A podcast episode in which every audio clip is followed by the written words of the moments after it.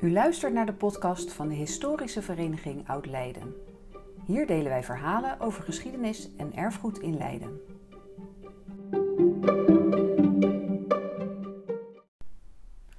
In deze podcast het verhaal van de heer Herman Bekkerin. Ik heb nog nooit zoveel verdiend als toen ik failliet was. De heer Herman Bekkerin werd als jongste van vier kinderen op 4 mei 1937 geboren in de De Genestedstraat in Leiden. Na het overlijden van zijn vader in 1947 verhuisde hij met zijn moeder naar de Lopsestraat, waar ze gingen inwonen bij zijn oudste zuster. De arme buurt waar de Lopsestraat in lag stond bekend als de Hakbijlenbuurt. Het verhaal ging dat men elkaar wel eens naar het leven stond. De bewoners van de buurt waren economisch afhankelijk van de conservenfabriek Nieuwe Huizen op de Morsweg. Er werd veel thuiswerk gedaan, bonen afhalen, gezellig met de buren op straat. Moeder werkte als kookster, onder andere bij Rutex op de Stationsweg.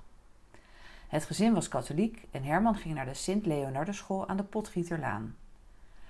Tijdens de oorlog werd een deel van de school door de Duitsers gevorderd. In de gymzaal kwam de gaarkeuken. Niet ver van huis, op de Haagweg, was een kolenboer waar de jongens nog wel eens een kooltje weghaalden. En als er ijs op de sloot lag, kon je makkelijk bij de spoorlijn komen, waar wagons met kolen stonden. Vader, die werkte als losse arbeider, werd bij een razzia opgepakt en in Groningen te werk gesteld. Hij moest er onderhoudswerk doen aan spoorlijnen, maar kwam naar huis toen hij een koperinfectie in zijn benen kreeg. Een jaar later overleed hij op 48-jarige leeftijd aan een hartaanval.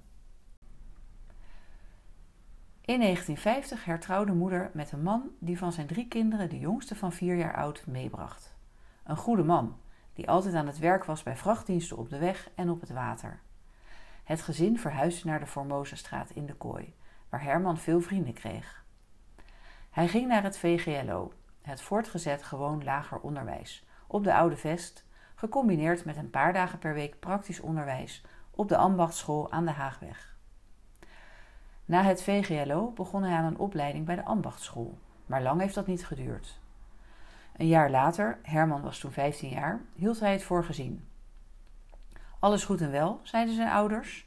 Je mag van school af, maar je gaat wel werken. En zo kwam hij in de ploegendienst bij Wolfabriek Krans. Na verschillende andere baantjes moest Herman in militaire dienst.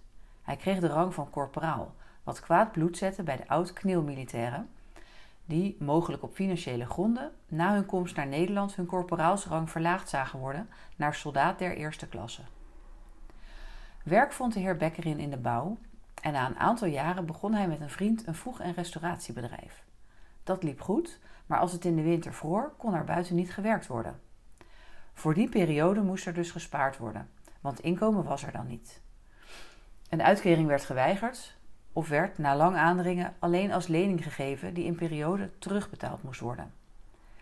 Intussen was de heer Bekkerin getrouwd met een vrouw die in de gezinszorg werkte. Dat gaf wat financiële verlichting. Het meeste plezier verschafte hem het restauratiewerk aan oude panden.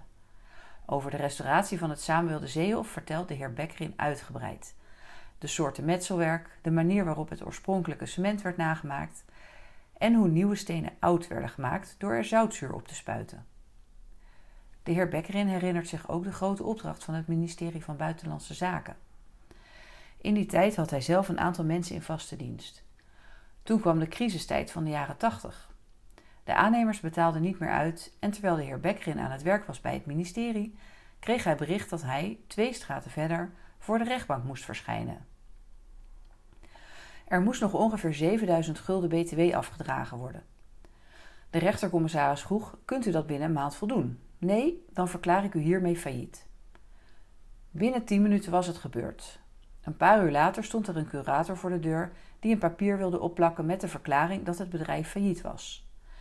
De heer Bekkerin verwijderde het en bleef als zelfstandige werken bij Jobo aannemersbedrijf. Hij zegt: Ik heb nog nooit zoveel verdiend als toen ik failliet was. De contacten binnen het bedrijf waren prettig en nog altijd krijgt de heer Bekkerin een uitnodiging voor de jaarlijkse barbecue.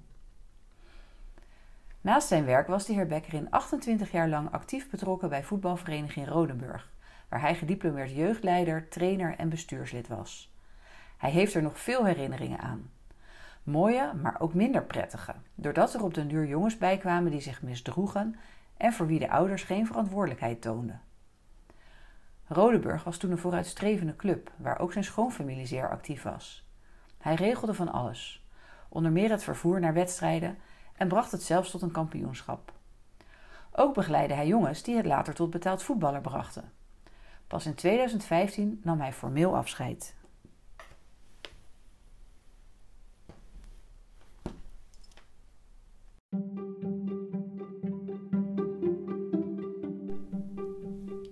Dit verhaal is opgetekend door de commissie De Stem van Leiden.